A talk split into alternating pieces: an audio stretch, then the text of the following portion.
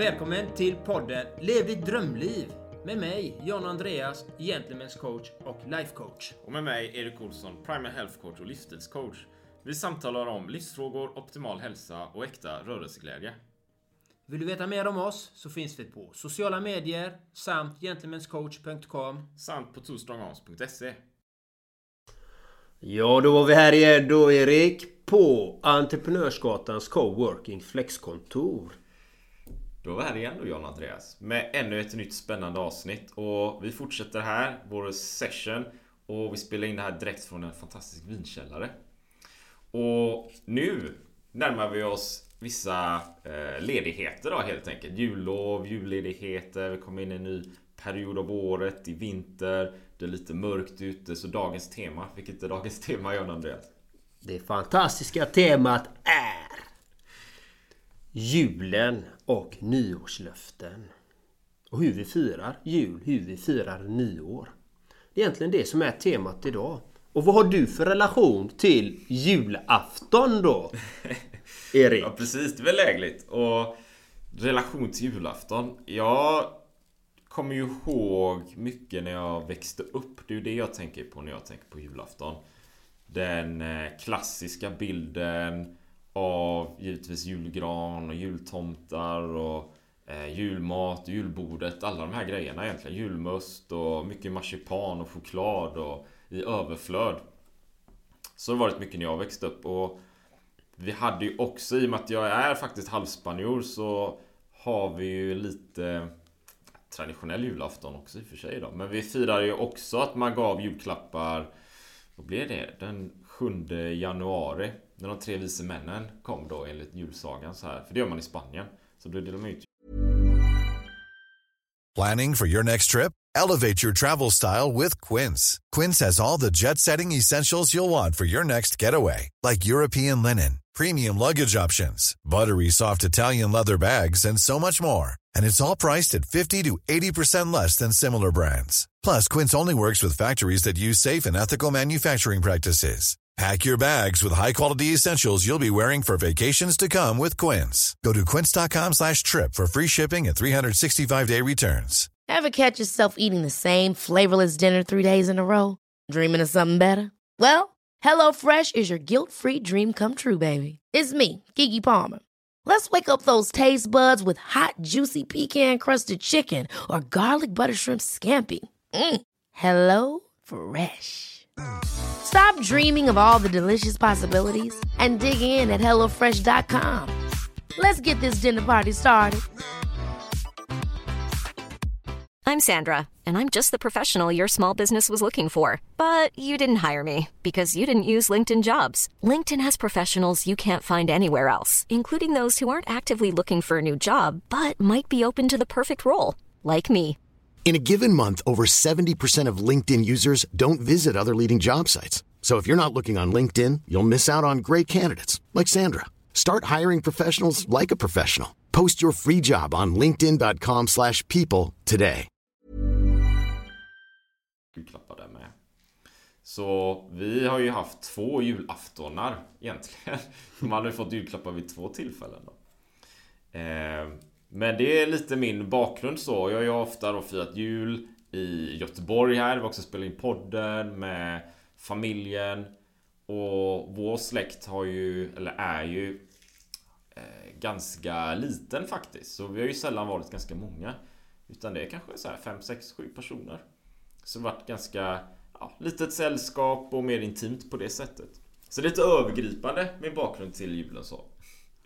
Hur har det varit för dig John Andreas? Hur, hur ser du, hur har du firat jul tidigare? Det här är lite intressant. När jag var liten firade jag inte jul. Spännande, berätta. Mm, det här hade du ingen aning Det om. här har jag ingen aning om. Förrän Nej, nu. Förrän nu, ja precis. Och det här är inte någonting som jag brukar dela med mig av faktiskt. Utan eh, när jag var liten så var jag med eh, i ett religiöst samfund. Och eh, i det här religiösa samfundet så firade man inte jul. Och eh, det påverkade mig ganska mycket när jag var liten faktiskt. För att eh, alla i min klass fick ju julklappar och de pratade om julen. Och våran jul var precis som vilken annan dag som helst.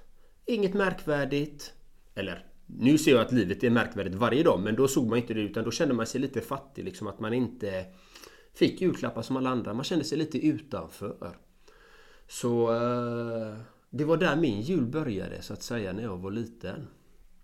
Och eh, så firade jag när jag var liten i alla fall. Men Så den var inte traditionell på något vis utan eh, vi kommer till julen lite längre fram här hur jag firar den idag. Och, för jag firar julen idag faktiskt. Men vad handlar julen om för dig Erik? Det här är intressant. Det är intressant, en jättebra fråga. Och jag kommer ju inte från någon eh, som religiös bakgrund på det sättet. Så det har vi aldrig gjort. Utan julen har ju varit något annat. Det har ju varit mer att träffa familjen, mer det här sociala delen, mer av att ha en ceremoni. Kanske ärligt talat ha en ceremoni överhuvudtaget. I och med att vi inte kom från, eller jag är från en religiös familj så, så hade vi ju inga eh, högtider egentligen. Alltså ärligt talat. Jag vet min mamma är ju från Spanien då, Madrid. Och lite sidostory så, men det hänger ihop. Det är att jag kommer ihåg när jag åkte dit när jag var liten och träffade mina spanska släktingar. Och där var det annat. där var det annat. Jag kommer ihåg när jag var så här 10 år, hälsade på hos min eh, mormor. Och hennes systrar var ju nunnor. Så här katolska nunnor och vi satt där. Det var ju sommartid då. Vi satt i deras vardagsrum och så här lite spanskt murrigt om man tänker sig. Med stora kors på väggarna och tavlor på sista måltiden och så här. Väldigt, väldigt religiöst. Eh, och det var ju en högtid som de hade. Och det hade jag ju, upplevde ju där då. Men vi hade ju inga högtider hemma i Sverige liksom. Inte på det sättet. Okej, man fyllde år så firar man ju det i en tårta och så här. Men det fanns ju inget annat. Eh, jag vet när man eh, i skolan så gick man ju till kyrkan och där skulle man sjunga och liknande. Och det var ju annat då. Jag tänker att jag är mer öppen idag. Men då var jag ju kanske mer...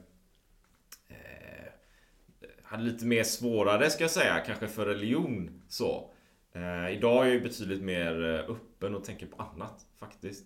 Men eh, det var en spännande tid så här. Jag kommer ihåg också, det var något tillfälle i, i kyrkan, jag delar det här. Där vi skulle sjunga så här Lucia och grejer. Jag vägrade ställa mig öppet. det fanns ju inte på världskartan. Jag, jag hade mina eh, idéer om hur saker och ting skulle vara då. Så, men idag tänker jag att Idag firar jag ju jul För att Ha som en spe- ett speciellt tillfälle En liten högtid tillsammans med familjen. Någonting som är lite annorlunda. Utanför vardagen. Nästan kanske som ett litet äventyr då, På något sätt. Så skulle jag väl förklara. Det kan vara lite svepande kanske Men så skulle jag förklara. Så Därför firar jag jul. Var det ett svar på frågan? Ja, det är vackert. Och själv då liksom? Varför och hur firar du jul och varför? Så här, vad ligger i det? Ja, nu firar jag jul. Eh, det gjorde jag ju... Eh, började med julafton faktiskt när jag gick i mellanstadiet. Då gick mina föräldrar ur det här eh, religiösa samfundet och jag gjorde ju också det. Fast det tog lite längre tid för mig för jag var... Jag var ju så indoktrinerad i detta så att jag gick ju ur det sist. Fastän jag var så liten så fick jag ju ändå valet av mina föräldrar att du får välja själv vad du ska göra med ditt liv. Även när jag var så pass liten. Du får välja om du vill vara kvar eller inte. Så jag minns ju att jag var kvar i det här religiösa samfundet och de här människorna kom ju hem till mig och hade sina föreläsningar och jag fick sitta och läsa böckerna där och det var jag... Fick jag sitta där med dem. Så, men till slut kom jag till en punkt då jag kände bara nej. Jag vill inte hålla på med det här mer. Liksom. Jag vill också fira jul som alla andra. Jag vill ha roligt. Jag vill ha presenter. Det var ju allting om julklapparna när man är liten. Liksom det. Jag vill också ha julklappar. Jag vill öppna de här presenterna. Jag minns första julen. Det här är så roligt. Jag minns första julen. Det här. Hur man såg julklapparna under julgranen. Liksom. Min mamma och de hade ställt upp det. Nu började vi fira jul. Liksom wow, vad spännande! Så det blev ju någonting extraordinärt liksom. Och jag minns hur jag var vaken då för att eftersom vi inte haft det som tradition då fick vi öppna julklapparna så fort det blir julafton. Och när blir det julafton? Egentligen så fort den slår över tolvslaget, då är julafton. Så jag satt ju på helspänn där vet du, väntas. Nu är det snart tolv och då kan jag attackera julklapparna. Och jag älskade ju att spela Nintendo 8-bit liksom. Det var ju vad jag älskade liksom. Och och jag och min bror satt där och vi väntade och väntade. Och jag hoppade ju direkt på julklappen. Där jag visste att det fanns ett Nintendo-spel i liksom. För jag hade önskat mig DuckTales. Det har jag spelat. Har du spelat det? Ja, ja, och jag minns jag bara rev upp de här. Jag och brorsan då satte oss. Jag tryckte in den i Nintendo. Tryckte ner den. Tick, tryckte på knappen. Och det blinkade till, frimlade till på den lilla 14-tums TVn. Och jag satt där. Och han fick spela lite men sen... Jag är ju äldre så att jag... Nej nu är det dags för mig. Och jag satt och spelade, spelade, spelade, spelade, spelade. Spelade några timmar tills jag hade varvat spelet. Ja. Och det är ett så starkt minne när jag och min bror sitter där och man sitter och väntar på julklappen för första gången. Ja, det var vackert. Det, så det, det var ju mitt första minne av julen. Hur jag rev upp den första julklappen där som aldrig firat jul och den här gemenskapen med min bror liksom. Och, ja, det var spännande. Det var en väldigt fin upplevelse. Hur gammal var du då sa du? Jag tror att jag gick i mellanstadiet då. Eh, Jag kommer ihåg jag hade flyttat till ett hus och vi bodde i hus och minns det så väl liksom där och det var mellanstadiet. Och vad kan det ha varit? Vad är man i mellanstadiet? 7, 8, 9? Man är Ja, tio, mellan ja. 10 och 12 år. Ja. Där någonstans. Eh, så Eh, det var då första gången jag firade jul. Så man var ju alltid en utböling liksom på det sättet att man kunde aldrig berätta om sina presenter för någon, att man har fått någon julklapp. Och ibland fick man ljuga. Jag ljög ju också. Eller ibland liksom, jag fick en sån här grej liksom. För att man inte ville vara utanför. Så det, det skapar ju lite såna här saker. Eh, som kan hända då, de här eh, kontrasterna. Men jag minns det, jag var ju så stolt liksom. Kunde komma till skolan där. Ja, jag varvade DuckTales på julafton där vet du. Jajamän! jag älskade ju Nintendo liksom. Så... eh, Har du något sånt där extra starkt minne av julen? Jag satt och tänkte på det här John Andreas. Så här, för det, var, det var så eh, livlig eh, livfull berättelse du berättade. Så jag, alltså, jag har två saker jag tänkte på. Jag vet, alltså en, en, en grej det är att, eller en ganska stor grej. Vi hade ju ett ganska traditionellt firande men vi ville ju också ofta skoja till det. Vi har ju kanske en speciell humor då så det här med att klä ut sig till jultomten till exempel. Det, det gjorde vi ju med viss, eh, lite annorlunda faktiskt. Min, eh, min pappa hade ju inte sån här det här långa skägget och eh, an, så här plastansikte man kan köpa på typ Buttricks eller något. Vi, vi skippade ju det men vi hade julkläderna. Eller vi tog det som fanns i garderoben. Så det var ju ofta så här gamla gröna byxor eller någonting. Och så var det ju tomteluva och allting. Men en sak vi alltid gjorde, det var att pappa tog alltid på sig en Dracula-ansikte istället. Så det var som, det var så, jag kommer jultomten men det är Dracula. Så vi hade så här Dracula, så här latexgrejer va. Så det var ju väldigt speciellt när Dracula kommer julklädd till jultomte. Och, och delar ut julklappar och så här. Så det, det gjorde vi i många år va. Det gjorde vi jättelänge. Eh, så det är ett starkt minne. Och sen kommer jag ihåg en speciell julafton också, men jag, måste, jag kan inte ha varit gammal alltså. Jag kanske var åtta eller någonting, du vet. Och jag begrep ingenting, för när det väl jultomten kom så var det en tomte. Jag, jag, jag trodde väl lite på tomten då, det tror jag inte. Men jag var ändå helt förvirrad, för det kom en tomte, delade ut massor av klappar alltså. Det var ju... det var- Alltså när jag var liten, det var ju sjukt många julklappar. Så här, va. Ja, och så var det klart och då fortsatte man med julen. Och sen, kanske en halvtimme senare, knackade på dörren igen. Och då kom det en tomte till. Så jag bara, jaha, du förstår jag ingenting. Och det kommer jag ihåg. Och så fick man ju ännu mer julklappar. Det var ju lika många det. Jaha, då var den, där, det är klart. Men om jag kommer ihåg rätt så knackade det på dörren en gång till. En halvtimme senare. Det var en tomte till. Så kom ännu fler klappar. Och det jag, det jag, typ, jag fattar inte då va. Men jag tror att det var min pappa och min mamma och min bror som var bytte om kläderna som alla tomtar. Så jag fick ju där bara var helt förvirrad och tog emot mängder av julklappar. Så det är faktiskt ett väldigt livligt minne jag har. Väldigt fint minne. Så. Verkligen vackert. Vilket engagemang av de här tomtarna framförallt. Ja men ovanligt sådär va. Ovanligt. Ja, jag har ju varit tomte själv flera gånger. När mina... När jag varit hos mina brorsbarn och hos brorsan sådär uppe i Gävle och liknande. Då har jag varit tomten istället. Jag brukar också skoja till det så här. Jag vet inte. Ibland ser jag det kommer en tomte och så kommer de ho ho ho och så delar de ut klapparna och så här. Jag gillar ju att, att spexa till det lite grann så här faktiskt. Gör lite annorlunda och så. Någon gång har jag hållit på att tappa byxorna och sådär. Det blir roligt liksom. Det behöver inte vara så allvarligt allting. Precis. Så, precis, så det är några minnen där. Ehm, och sen finns det ju såklart mer som hör julen till, tänker jag. Till exempel maten. Vi har ett stort julbord så här. Och, och där har det ju traditionellt varit att jag har gjort mycket innan i alla fall. Har ju frossat på ganska rejält ska vi säga. Liksom. Jag har ätit allt möjligt. Och, och julmusten har ju gått åt ordentligt så här va. Så det, har det varit någon gång under året som man verkligen har svullat på så kanske det varit på, på julafton då. Idag, kanske, idag gör jag lite annorlunda så här men hur, tänk, hur, hur, hur ser ditt julbord ut Jan Andreas? Om du frågar mitt eller om du frågar mina föräldrars? Vem, vem, vem är du intresserad av? Först kan vi ta titt på dina föräldrars då kanske? Då är det julskinka. Ja. Det är rödbetssallad. Det är hemgjorda köttbullar. Det är sill. eh, Det är eh, mimosa. Det är eh, massa godis runt omkring. Det är... Vad är det mer? Det är lax brukar det vara. Det är potatis. De kör inte brysselkål faktiskt. Ja, det är, och så är det sallader och det är lite grönsaker, frukt och grönt och...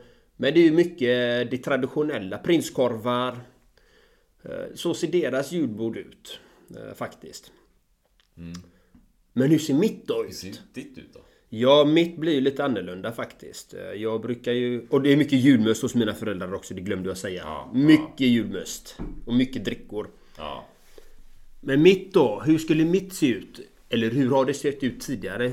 Jag har ju varit eh, vegan också så att eh, tidigare så körde jag ju veganskt. Gjorde jag vegansk eh, Ljungman Jansson. Heter det va? Ljungman Jansson. Nej, vad, vad heter det? Janssons frestelse menar jag Ljungman Jag så här, jag fick en bildträck någonstans till havs. Janssons frestelse menar jag. Det finns på mina föräldrars eh, julbord också. Eh, glömde jag av att säga. Och det har jag, hade jag ju som eh, en vegetarisk variant faktiskt. Som var väldigt, väldigt god. Så det brukar jag ha.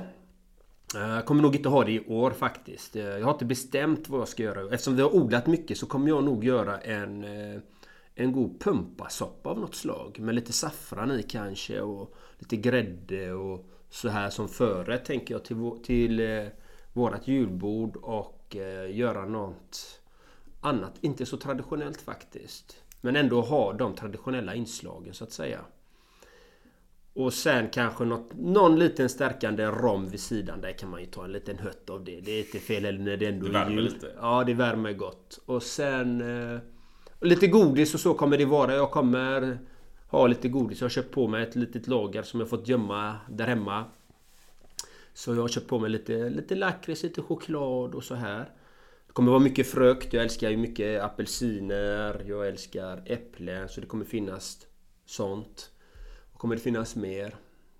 Och vi kanske gör någon paj, jag älsklingen. Eh, och kommer det vara, eftersom vi kommer fira förmodligen med hennes föräldrar då Så kommer jag göra någon varm, kommer köpa en varmrött lax tycker jag är ganska gött att ha till oss. Lite potatis och lite sötpotatis.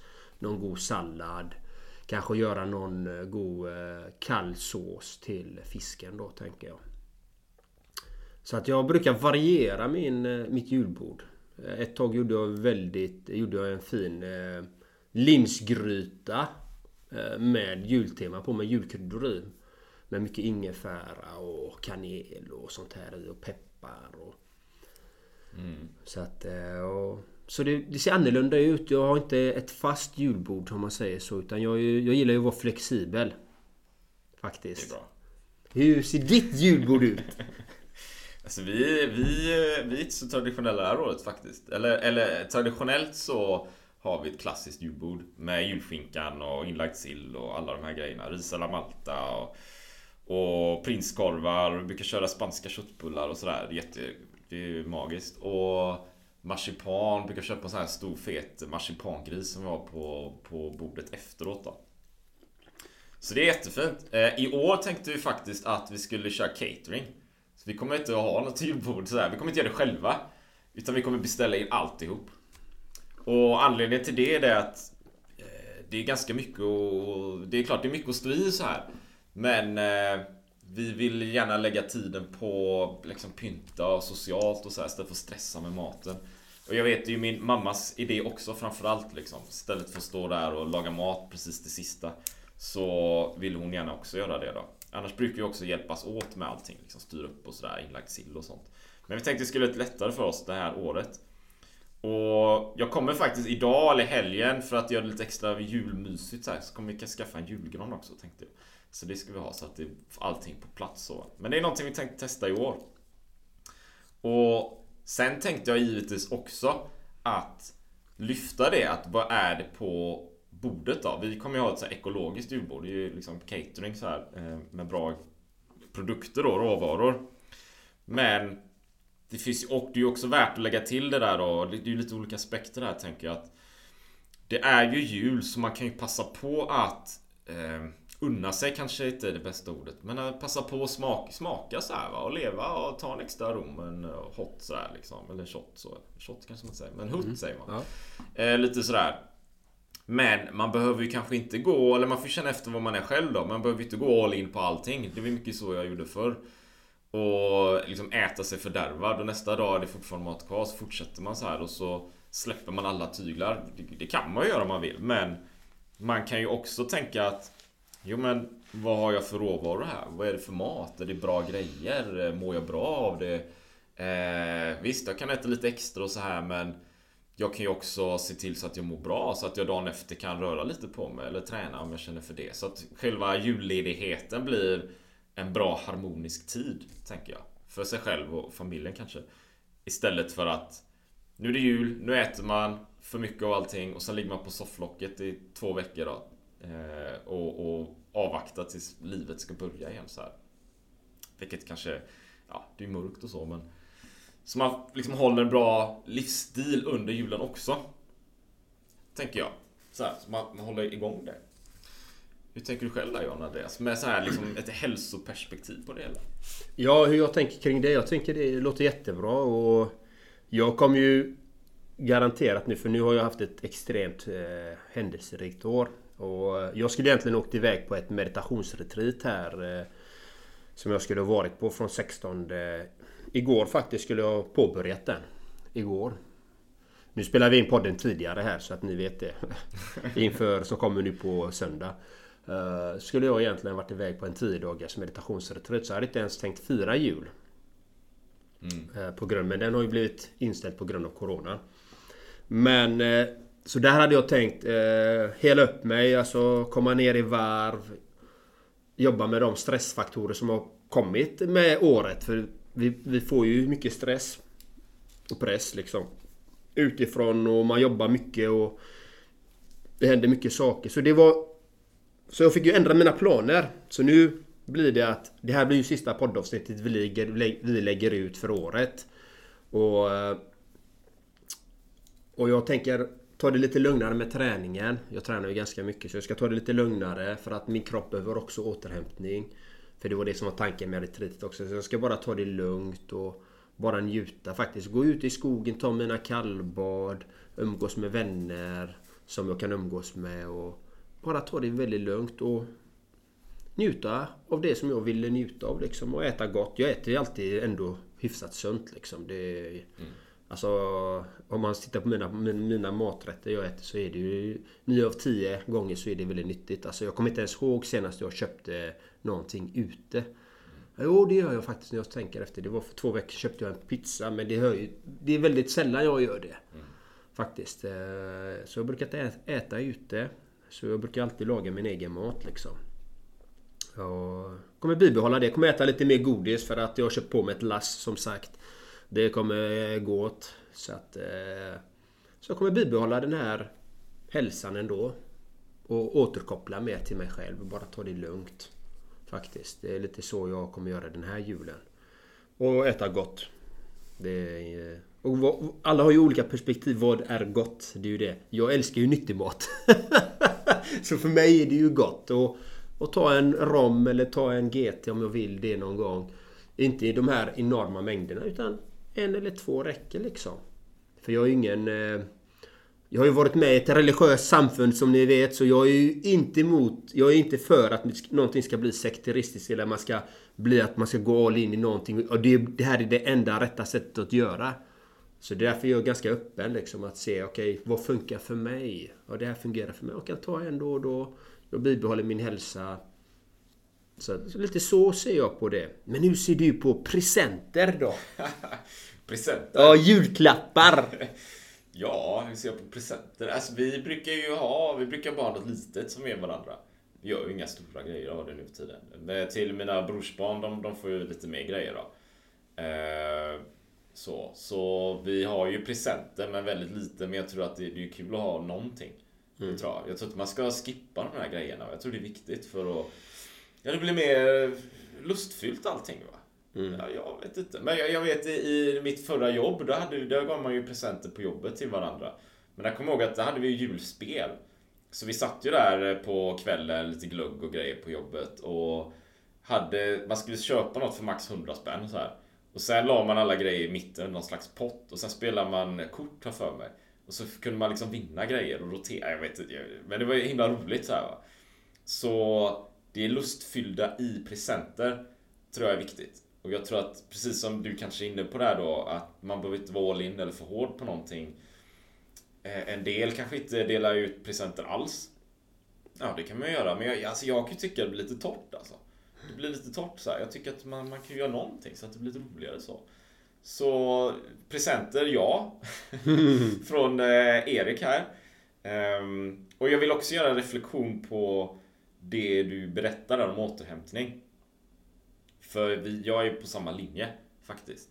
Och det har varit ett händelserikt år och jag tror många för lyssna där ute så har det också varit händelserikt. Det har hänt väldigt mycket på många olika sätt. Som man inte har någon aning om.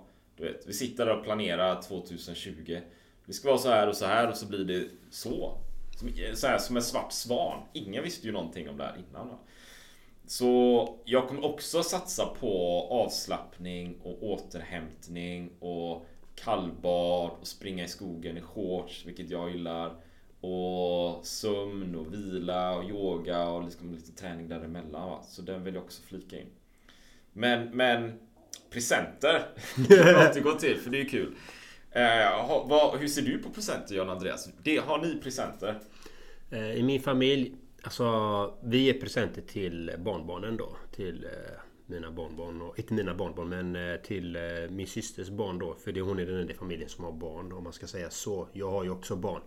Men det här är ju också någonting då som kommer upp. De är vuxna nu så de är ju inte nära mig just nu i dagsläget. Så att vi har ju inte den nära kontakten. Så jag kommer inte träffa mina barn vid den här julen. Och det är smärtsamt. Det, det är smärtsamt att inte träffa dem man älskar liksom. Men det, så är det när man bor ifrån varandra och inte kan ses liksom. Så jag kommer inte träffa mina, mina systers barn heller utan vi kommer fira jul. Bara jag, min, min partner, min älskling och kommer vi åka till mina föräldrar så att det blir bara vi liksom. Eh, bara vara där några timmar. Sen åker vi tillbaka till svärföräldrarna då. Och där ska vi fira julen. Och, eh, och jag har faktiskt gjort en present. En julklapp. Jag har gjort en julklapp till min mamma. Har jag gjort. Eh, Första gången jag gjorde en julklapp och eh, vi brukar inte ge julklappar till de vuxna. Brukar vi inte göra. Vi brukar, brukar bara göra till barnen i familjerna liksom. Det är oftast till dem vi ger. Eh, Av någon anledning. Jag vet inte varför det har blivit så. De har bestämt det. Så, så är det. Men jag har gjort en julklapp till min mamma så det ska bli roligt att se. Jag har gjort en...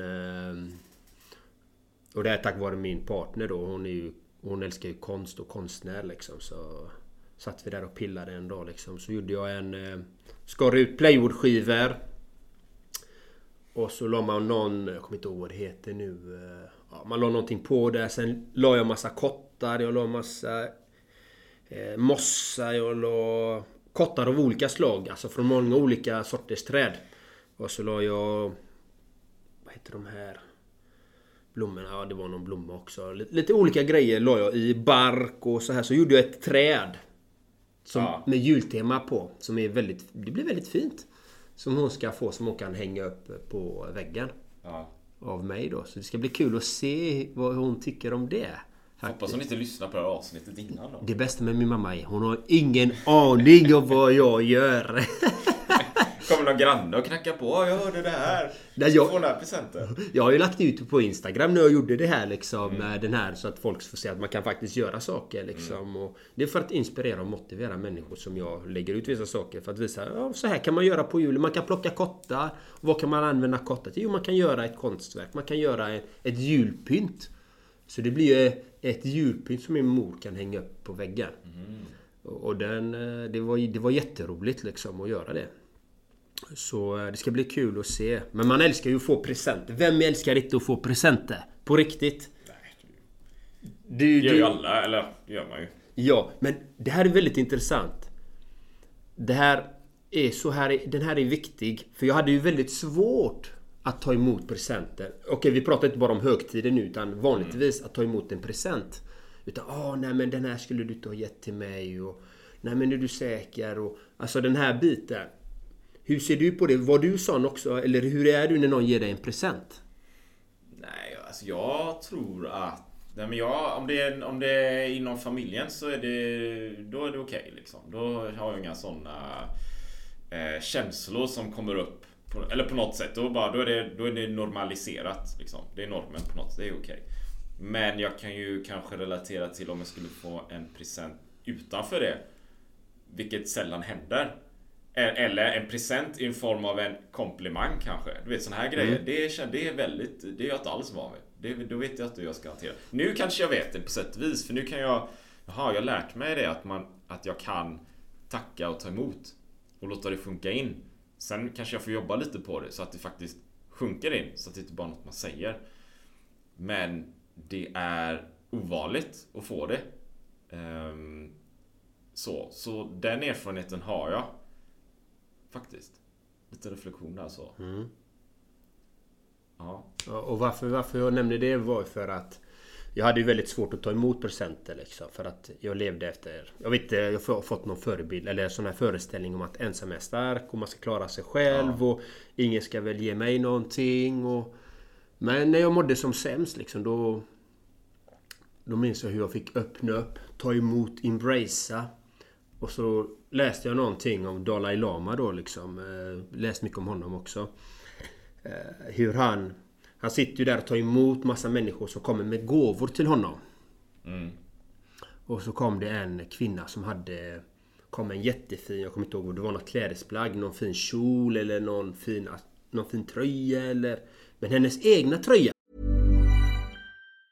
Have catch yourself eating the same flavorless dinner three days in a row? Dreaming of something better? Well, HelloFresh is your guilt-free dream come true, baby. It's me, Gigi Palmer. Let's wake up those taste buds with hot, juicy pecan-crusted chicken or garlic butter shrimp scampi. Mm. Hello Fresh. Stop dreaming of all the delicious possibilities and dig in at HelloFresh.com. Let's get this dinner party started. There's never been a faster or easier way to start your weight loss journey than with PlushCare PlushCare accepts most insurance plans and gives you online access to board-certified physicians who can prescribe FDA-approved weight loss medications like Wigovi and Zepbound for those who qualify. Take charge of your health and speak with a board-certified physician about a weight loss plan that's right for you. Get started today at plushcare.com slash weight loss. That's plushcare.com slash weight loss. plushcare.com slash weight loss. Den, ja. var, den var helt sunkig, den var trasig och allting. Och hon ger den här nya till Dalai Lama då. Och han tar emot den. Och så är det en reporter som, som eh, håller, håller eh, granskar, inte granskar, men som gör en, eh, en bok om honom. Som blir förbannad på Men varför tar du emot den? Hon har ju ingenting själv. Det är för att hon vill ge mig den. Mm. Om jag tackar nej till det så mår hon ju dåligt liksom. Och jag försöker leva efter den liksom. Eh, att faktiskt göra, ta emot mer. Att ta emot mer. Men det... Jag minns liksom när jag började ta emot mer för då skapar man en glädje hos den andra. Att ah, han tog emot den liksom. Och jag har ett konkret exempel faktiskt eh, här häromdagen. Då jag tackade till en present. Det var, det var en vän till mig som kom. Ja, ah, men jag har en havremjölk här till dig. Eller en sojamjölk här. Du kan få den. Bara, nej men det, det behövs inte.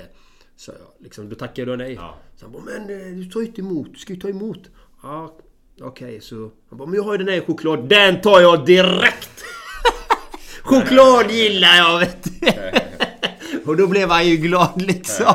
Så att det handlar ju lite om att faktiskt... Även om man inte alltid behöver det. Jag skulle egentligen tagit emot den här första.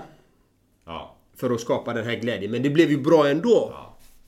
Och det är ju lite det man kan faktiskt... Man, kan, man gläds mycket om man tar emot. Och sen, behöver jag ha den här sojamjölken? Eller behöver jag ha den? Nej, den är fortfarande oöppnad hemma. Eh, Men den skapar ju en känsla i honom som är viktig. Och, och eh, jag har fått presenter förr också som jag har tagit emot och glatt tagit emot. Men jag har inte haft någon användning för dem. Då har jag skickat dem till en annan som älskar den. Skickar den vidare per sidon.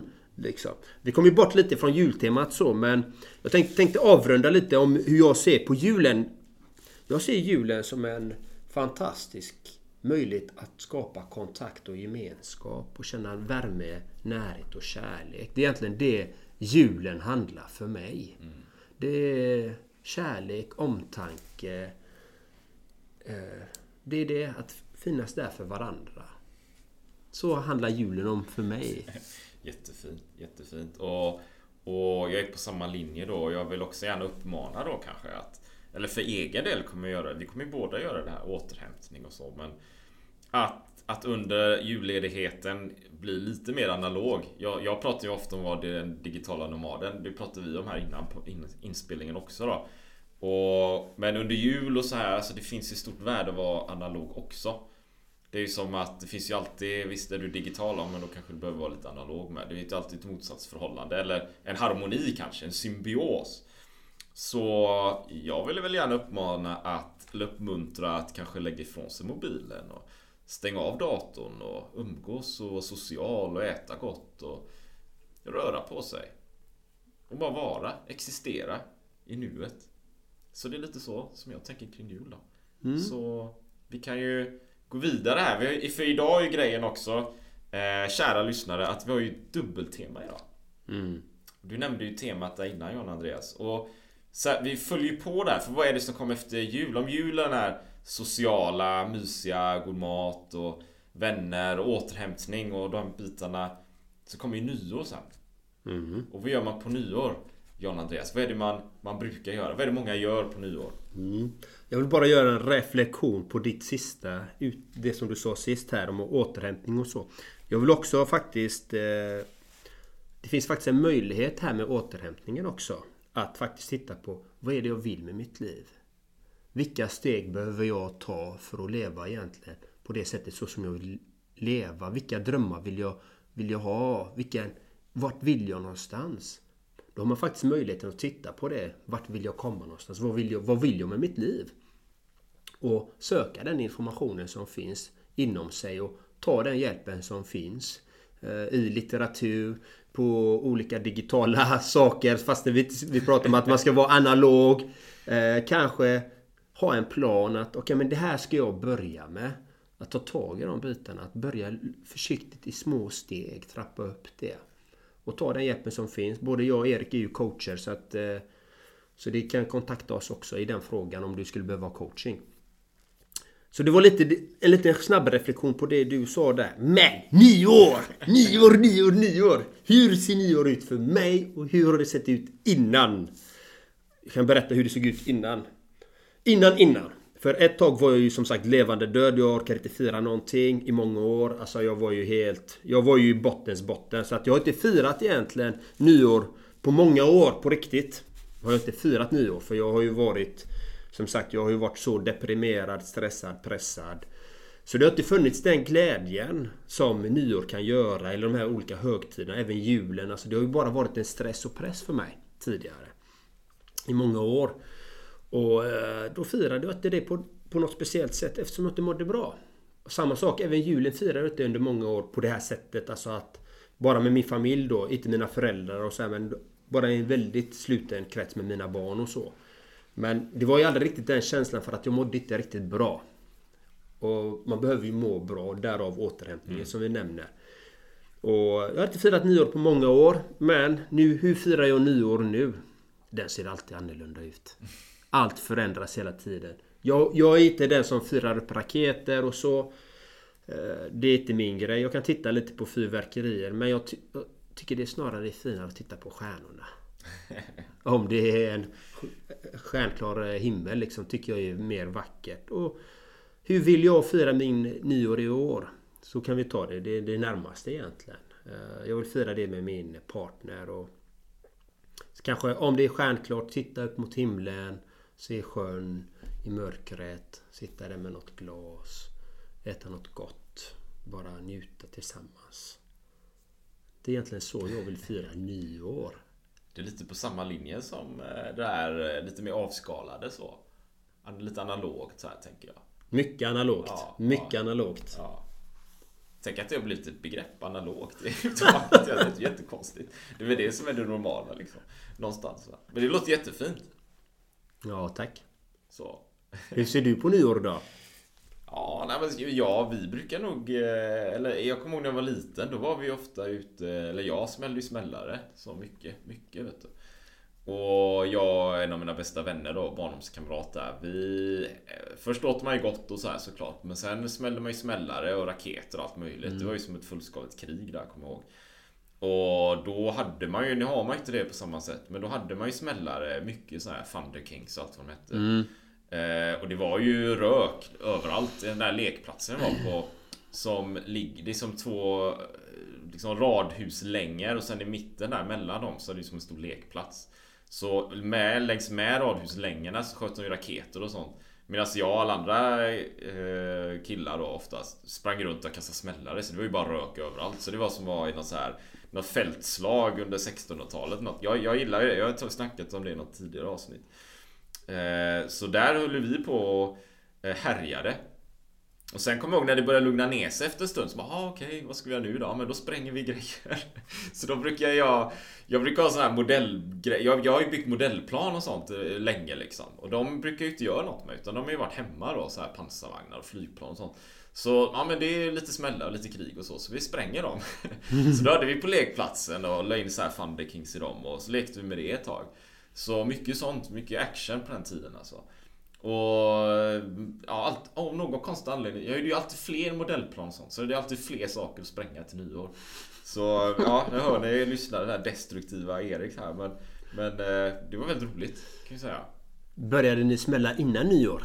Nej, aldrig någonsin. Eller det, det tror jag inte. Jag har ingen minne. Kanske, nej jag tror inte det. Du vet, jag, jag blir fortfarande irriterad på det ärligt talat. Klockan har inte slagit 12 och så du vet, en 10 minuter innan så bara fyrverkeri överallt. Jag fattar ingenting. Jag, jag, ja, ni hör, jag, jag blir fortfarande lite så här upprörd nästan, lite irriterad. Ska, klock, du, du kan ju inte börja smälla innan 12. Det är klockan 12 det börjar. De har ju redan börjat smälla nu. Ja, vad, vad, vad håller ni på med? så där, där, där så. Men eh, nu för tiden så är det ju mer avskalat. Det är lite som jul faktiskt. Det brukar vara med brorsan och liksom närmsta familjen, mamma och brorsbarnen och så här. Inget, ja, så skumpa och så. Ha lite skoj, lite musik och så. Så inget, spektakulärt. Ibland kan det vara någon liten, någon, om det är någon party eller fest där man åker någonstans. Men det händer ganska sällan faktiskt. Det är också en ganska avskalad eh, högtid. En avskalad högtid så. Ja, fint. Ja, jag får ju en reflektion direkt när du berättar om barndomsminnena där. Ja, vi spränger grejer. Ja, när ni spränger grejer. Jag började ju innan då när jag var liten liksom. Jag, jag och en vän liksom eh, var ute och så. Han hade lite smällare så vi smällde lite på gårdarna och så här. Tänkte inte mer på det. Eh, jag kanske inte ska ta den här. Men jag tar, tar den i alla fall, den historien. Den är lite hemsk är den. Så den, den gav ju lite men liksom. Men eh, så smällde vi och så gick vi iväg, jag och han. Och helt plötsligt så kommer det en man bakifrån. Är det ni som kastar in smällare i brevlådorna? Nej, vi gör inte något sånt. Jag vet att det är ni. Och eftersom det är jag som är den verbala av oss två så jag håller ju dialogen med den här mannen. Och det här är ganska hemskt faktiskt. För jag var, hur gammal är jag då? Kanske också i mellanstadiet.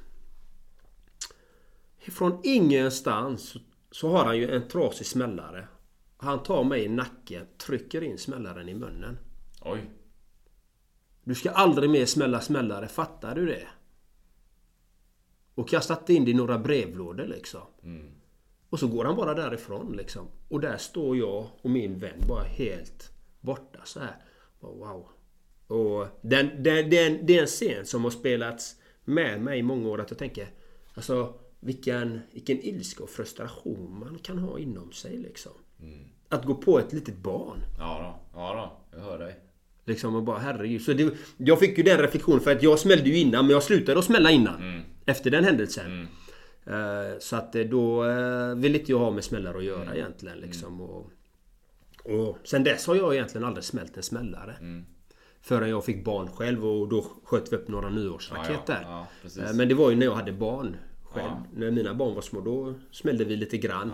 Inte så mycket. Jag har aldrig gjort det till en sån jättestor högtid på det sättet. Men vi smällde och hade roligt och umgicks tillsammans jag och mina barn och familj. Så. Men eh, innan dess, i hela låg... barndomen, där smällde jag inte en enda smällare efter det. Så det, så det är viktigt hur man, eh, hur man är som människa. Vad är, det, vad är det vi vill sprida för budskap ut? Det är det julen handlar om också. Och det ska vi sprida varje dag. Inte bara på julen eller bara på nyår att det ska vara... Nej, man ska sprida ut den goda energin varje dag. Exakt, exakt. Och jag jag måste då passa på att fråga där. Den, du delar en berättelse där. Precis. Eh, vad, är, vad är det för liksom, budskap du har fått ut av den? Eller för lärdom som du har fått ut av den? Lärdomen är... Lärdomen är... Kasta inte smällar i brevlådor. Nej, jag gjorde inte det. Lär, lärdomen är att det faktiskt finns människor som inte mår bra. Och, och när man är liten så eh, är det inte så enkelt att faktiskt eh, veta vad som är rätt och fel. Jag brukar säga att det finns inga rätt och fel men Alltså vad, vad som ger gynnsamma och ogynnsamma konsekvenser. Så det, det har jag lärt mig om är att jag får ta vara på mig själv. Därför går jag självförsvar. Alltså att jag ska kunna hantera en sådan situation. Och det är inte lätt när man är barn.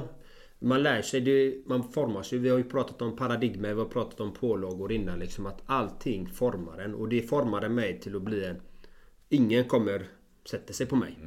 En av de händelserna har gjort det så att ingen någonsin tillåter aldrig någon att göra det.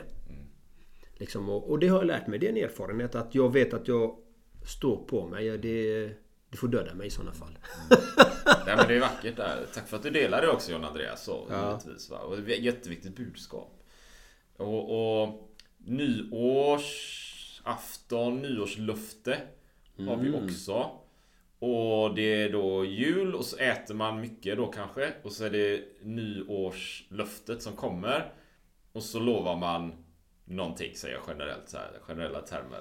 Ofta kanske någonting om hälsa eller man ska träna och sådär och köpa gymkort. Alltså det är ju det är ju- det är ju- det är ju ett dokumenterat faktum att det blir ju fantastiskt många nya gymmedlemskap och grejer det här januari, februari kanske. Liksom däromkring. Och sen händer ju någonting. Det är att folk droppar ju av från de här gymmedlemskapen och någonting uppstår ju. Och eh, vad är, vad är det som händer liksom? Vad är, vad är grejen med nyårslöften? Hur jobbar du John Andreas med nyårsluftet? Jag har aldrig några löften. Och varför har jag inga löften? För att då blir det ett måste. Då blir det ett krav. Och eh, det tycker inte jag är ett hållbart sätt att se på livet. För att livet är föränderligt. Allting kan hända. Eh, så att jag har inga nyårslöften. Men jag har mål. Mål är någonting annat än ett nyårslöfte. Målen kan vara flexibla men att man går mot det hållet, det man vill leva. Jag vill ha en bättre hälsa. Ja men jag, jag har... Jag ska gå till gymmet varje dag, jag ska göra det här. Okej. Men vad är målet? Ska, varför ska du gå till gymmet? Ja det är för att må bra, för att få en hälsa. Ja, men behöver jag inte gå till gymmet varje dag för det? För att nå det målet? För att må bra? Jag kan gå ut i skogen, jag kan hålla på med yoga, jag kan cykla, jag kan springa, jag kan simma, jag kan klättra i berg. Jag kan leka med barnen eh, på lekplatsen och springa jaga, jag kan leka krig med dem.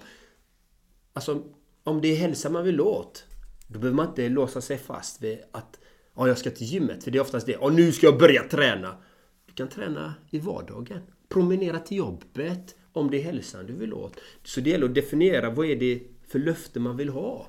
Vill man ha en personlig utvecklingslöfte till exempel? Okej, vilka strategier kan jag använda för att ut- utveckla mig som människa till exempel? Okej, det är det här och det här.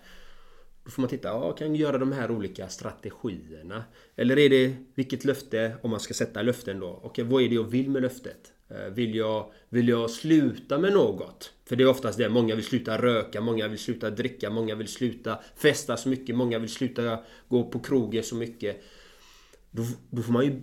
Eh, om man ska sluta med någonting, då ska man börja med någonting annat. Så man ska byta ut, det blir mycket lättare.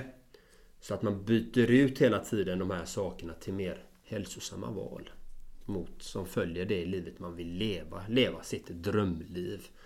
Så då har man en möjlighet att faktiskt ta de stegen och reflektera över hjulet som vi pratade om. Föra in de vanorna långsamt i små etapper. Lite så ser jag på löften, nyårslöfte. Du då? Nej men jag, jag eh, nej men jättebra. Jo men eh, det ska jag svara på. Och så har jag, kommer jag, om jag har en motfråga här, men om jag kommer ihåg det. Vi får se. Men jag, jag gör aldrig luften så här. Jag har jobbat på det sättet eh, heller då.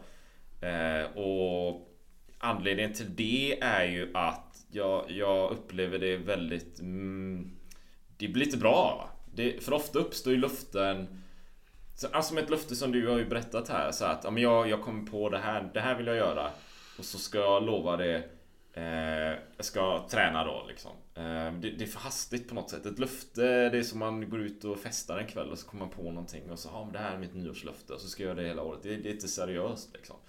Utan det måste vara mer grundat. Eventuellt om man då kanske har något personligt löfte som man har arbetat med själv under en lång period Att man vill ha ett visst mål. Det, det kanske funkar men Nyårslöftet är den klassiska benämningen att ja jag ska börja gå till gymmet fyra gånger i veckan Eller två gånger i veckan Eller en gång i veckan eh, Under nästa år jag, jag ser att det är väldigt svårt att faktiskt få det att hålla eh, Det blir för lätt glättigt på något sätt. Va? Det behövs något annat. Det behövs ett djupare, ett djupare ramverk. Det behövs målsättningar, huvudmål och delmål. Du behöver en process. Du behöver så här DMO som jag brukar jobba med. Så här Daily Method of Operation. Du behöver ju någonting varje dag. Och det, det är liksom inte ett löfte längre utan då, då, det är ett projekt liksom. Det är en livsstilsinriktning. Så, så därför gör inte jag det men Men, men Och om jag skulle göra det Så kan jag vara ganska hård på att faktiskt hålla det också. Det kanske också är en av anledningarna till att jag inte vill göra det. För om jag inte ser att det är reellt, liksom, realistiskt, så, så blir det svårt att fullfölja den planen. Jag kan inte bara säga saker och ting. Mm. Jag har jättesvårt för det. Jag, jag, en reflektion där, och det var inte typ ett nyårs... Det kanske var ett nyårs... Jag tror inte det var ett nyårslöfte, men... Det var kanske 2016, fem, nej det måste vara tidigare, 2012 kanske någonting där. Där jag var på en fest och det var några goda vänner och vi hade väl druckit lite grann sådär, inga stora mängder men någonting sådär. Och vi, kom på, vi gjorde ett löfte så att vi skulle göra en svensk klassiker. Tillsammans, det var själva grejen då. Så vi skulle springa, vi skulle cykla och vi skulle åka skidor, alla de här grejerna. Och det var ju bra där och då. Men jag hade ju lovat det. Så min värld var ju det hugget i sten. Det var ju, det var ju jätteviktigt för mig. Hur blev verkligheten sen då? Det blev ju att jag gjorde ju två svenska klassiker. För jag körde ju hela det racet och en till. Men ingen av de andra, jag tror inte de körde något lopp faktiskt. Så det var ju någon så här som rann ut i sanden dagen efter. Eller kanske en vecka efter då. För mig så blev det ju, jag blev ju ganska besviken faktiskt. Får man väl sagt någonting. I min värld är det ju så. Då kan jag vara lite envis kanske. Men då är det ju så. Mm. Då är det ju så. Jag förstår inget annat. Det, det är som när jag var student och du går ju ännu längre tillbaka i Spanien, bodde där, var 18-19 bast så här. Och jättetrevligt och här kommer jag och är svensken liksom. Om jag säger något, då är det så. Mm. Eh, så för att bygga de här relationerna och bli goda vänner. Och har man blivit det och byggt relation då kanske jag bjuder hem dig till Sverige någon gång eller något så här. Om då är du, du hugget i sten. Du liksom. Jag sträcker ut en hand till dig. Mm. Och du är min vän här nu för, för den perioden och antagligen resten av livet. Så ser jag på det, eller har sett på det. Mm. Men så träffar jag de här jättemånga jättebra människor från Sydamerika och Colombia och Argentina och Chile och så här Mexiko, många mexikaner. De hade en helt annan inställning. Första träffen bara, kom hem till mitt land. Vi får bo här, du kan stanna hur länge du vill. Som ett löfte då på sätt och vis. Men jag trodde ju aldrig på dem. Jag fattar att vadå, så kan man inte göra. jag känner inte de här människorna. Hur ska jag komma in där? Jag, jag, jag hade jättesvårt för det då. Idag ser jag att de faktiskt är genuina för jag har ju faktiskt åkt dit och träffat dem också i efterhand då. Så det är olika perspektiv på löftet. Så jag kanske svävar ut där men... Nej, fantastiskt. Jag kommer sväva ut lite också om löften. Ja, varför, varför inte jag ger löften? Har jag gett löften? Absolut. Jag var ju i en relation i 17 år. Mm. Jag gifte mig. Mm. Och höll det här löftet så in i bomben. Även om jag kände att det inte var riktigt rätt ett tag. Det här känns inte rätt men jag håller det. Håller det så länge. Varför håller man det här löftet? Det är för att jag har lovat. Man håller vad man lovar. Det är så jag är uppvuxen. Jag är uppvuxen, man håller vad man lovar, så är det bara.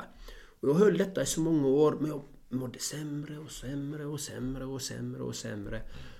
Och jag ska inte gå in på exakt vad allt detta grundar sig i. Det grundar sig i självkänsla och, och pålagor, allt detta. Varför man gör de valen man gör. Men efter jag skilde mig så sa jag till mig jag kommer aldrig lova någonting till någon överhuvudtaget. Men jag kan säga vi har mål, vi har mål och vi har mål. Och vi har gjort ett mål tillsammans. Erik och jag. Vi sa att vi ska släppa ett avsnitt i, eh, i veckan på podden. Och det har vi levererat nu i ett år kan man säga. Och det var vårat mål. Det var vårat löfte till varandra fastän vi inte sa att det var ett löfte. Men vi hade det som mål att det är det vi vill göra. Och så vill vi se ifall vi vill fortsätta nästa år. Och det vill vi göra. För det har varit så givande från alla lyssnare som har kommenterat och börjat följa oss. Och, och vi har fått mycket respons tillbaka att vi faktiskt gör skillnad. Att eh, ni uppskattar det här vi gör. Och tack till er alla där. Så att eh, vi fortsätter ett år till tack vare er! Magiskt. Så det är lite, lite så varför inte jag gör löften längre. För att det, det, kan, det kan bryta ner en också. Att det, det blir ett måste, det blir ett krav. Och jag tycker inte det ska vara krav på det sättet. Och de, som man ska dämpa en lite. Jag kom bort lite. Ställer du någon fråga? Nej men jag, jag, vi, vi pratar, nej men jag tycker det är jättebra liksom. För det är olika perspektiv på löftet. Ja. Vad betyder löftet? Mm. För jag kan ju se också, jag har också varit i, i relationer eller i, i situationer där jag har tänkt, men så här är det ju. Kanske inte ett uttalat löfte, men det skulle ju kunna varit att jag har sagt nu är vi tillsammans här eller någonting. Och så känns det knasigt liksom, inte helt hundra. Och så fortsätter man i alla fall, för man har ju sagt det här. Lite när ensam är stark och man ska klara av det och man ska kunna komma över alla motgångar och det är visst det är en dal där men vi fortsätter, vi kör, det kommer lösa sig. Jo, det, någonstans finns det ju ett värde där egentligen liksom. Mm. Om det är i, i, i solljuset eller jag ska kalla det. Om det, om det är rätt vänt på rätt sida. Så här, ja men jag vill ju ha hälsan och träningen och jag arbetar för det och det känns bra liksom. Jag får energi. Visst, det är tufft ibland. Alltså livet är tufft.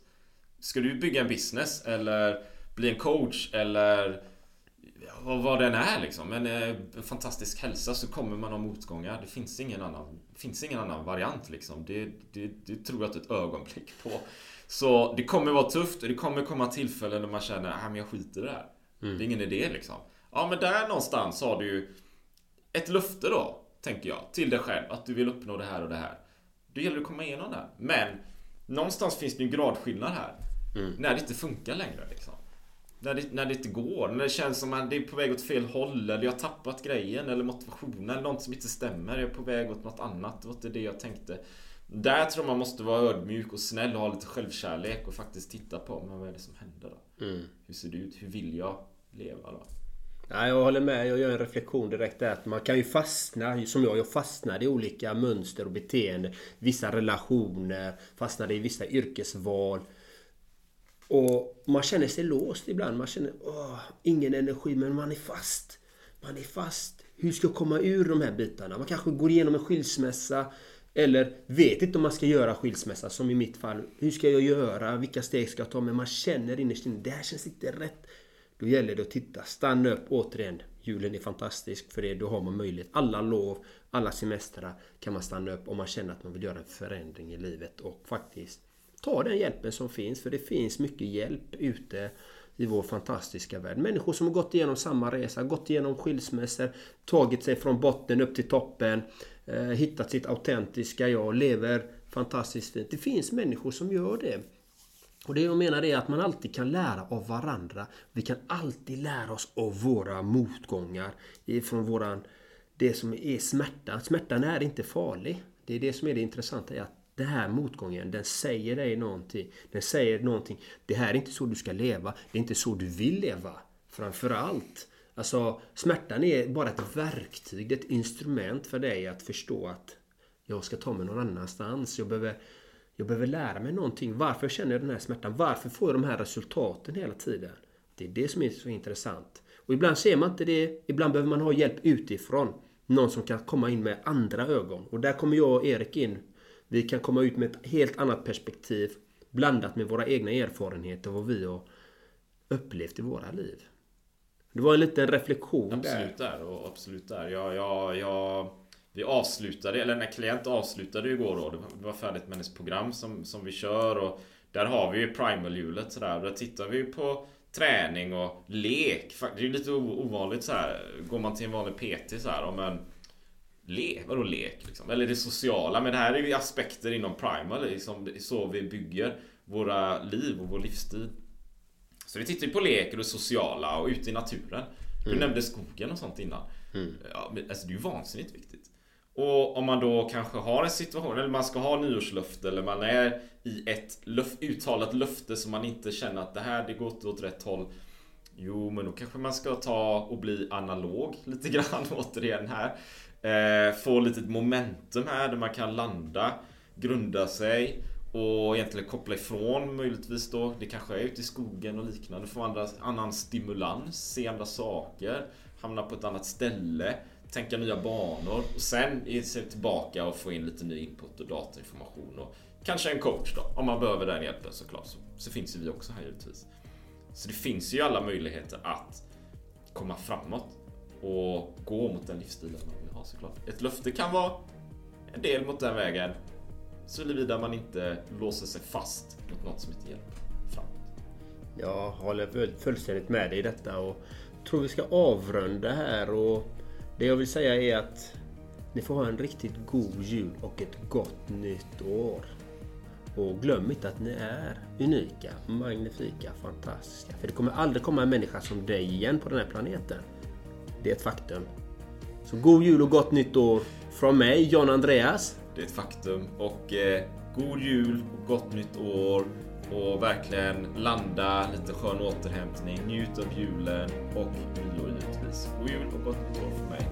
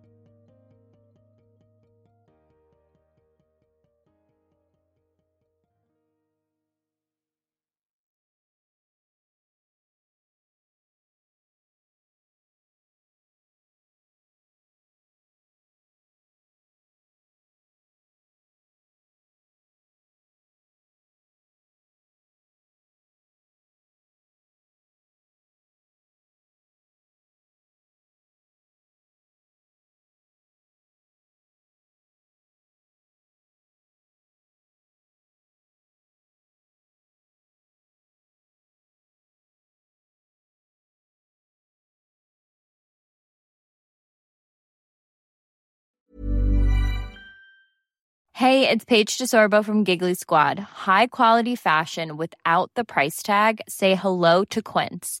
I'm snagging high-end essentials like cozy cashmere sweaters, sleek leather jackets, fine jewelry, and so much more. With Quince being 50 to 80% less than similar brands. And they partner with factories that prioritize safe, ethical, and responsible manufacturing. I love that. Luxury quality within reach. Go to quince.com slash style to get free shipping and 365 day returns on your next order. Quince.com slash style. Ever catch yourself eating the same flavorless dinner three days in a row? Dreaming of something better? Well, HelloFresh is your guilt free dream come true, baby. It's me, Gigi Palmer. Let's wake up those taste buds with hot, juicy pecan crusted chicken or garlic butter shrimp scampi. Mm. Hello? Fresh. Stop dreaming of all the delicious possibilities and dig in at HelloFresh.com. Let's get this dinner party started. Even when we're on a budget, we still deserve nice things. Quince is a place to scoop up stunning high end goods for 50 to 80% less than similar brands. They have buttery soft cashmere sweaters starting at $50, luxurious Italian leather bags, and so much more. Plus, Quince only works with factories that use safe, ethical, and responsible manufacturing. Get the high-end goods you'll love without the high price tag with Quince. Go to quince.com/style for free shipping and 365-day returns.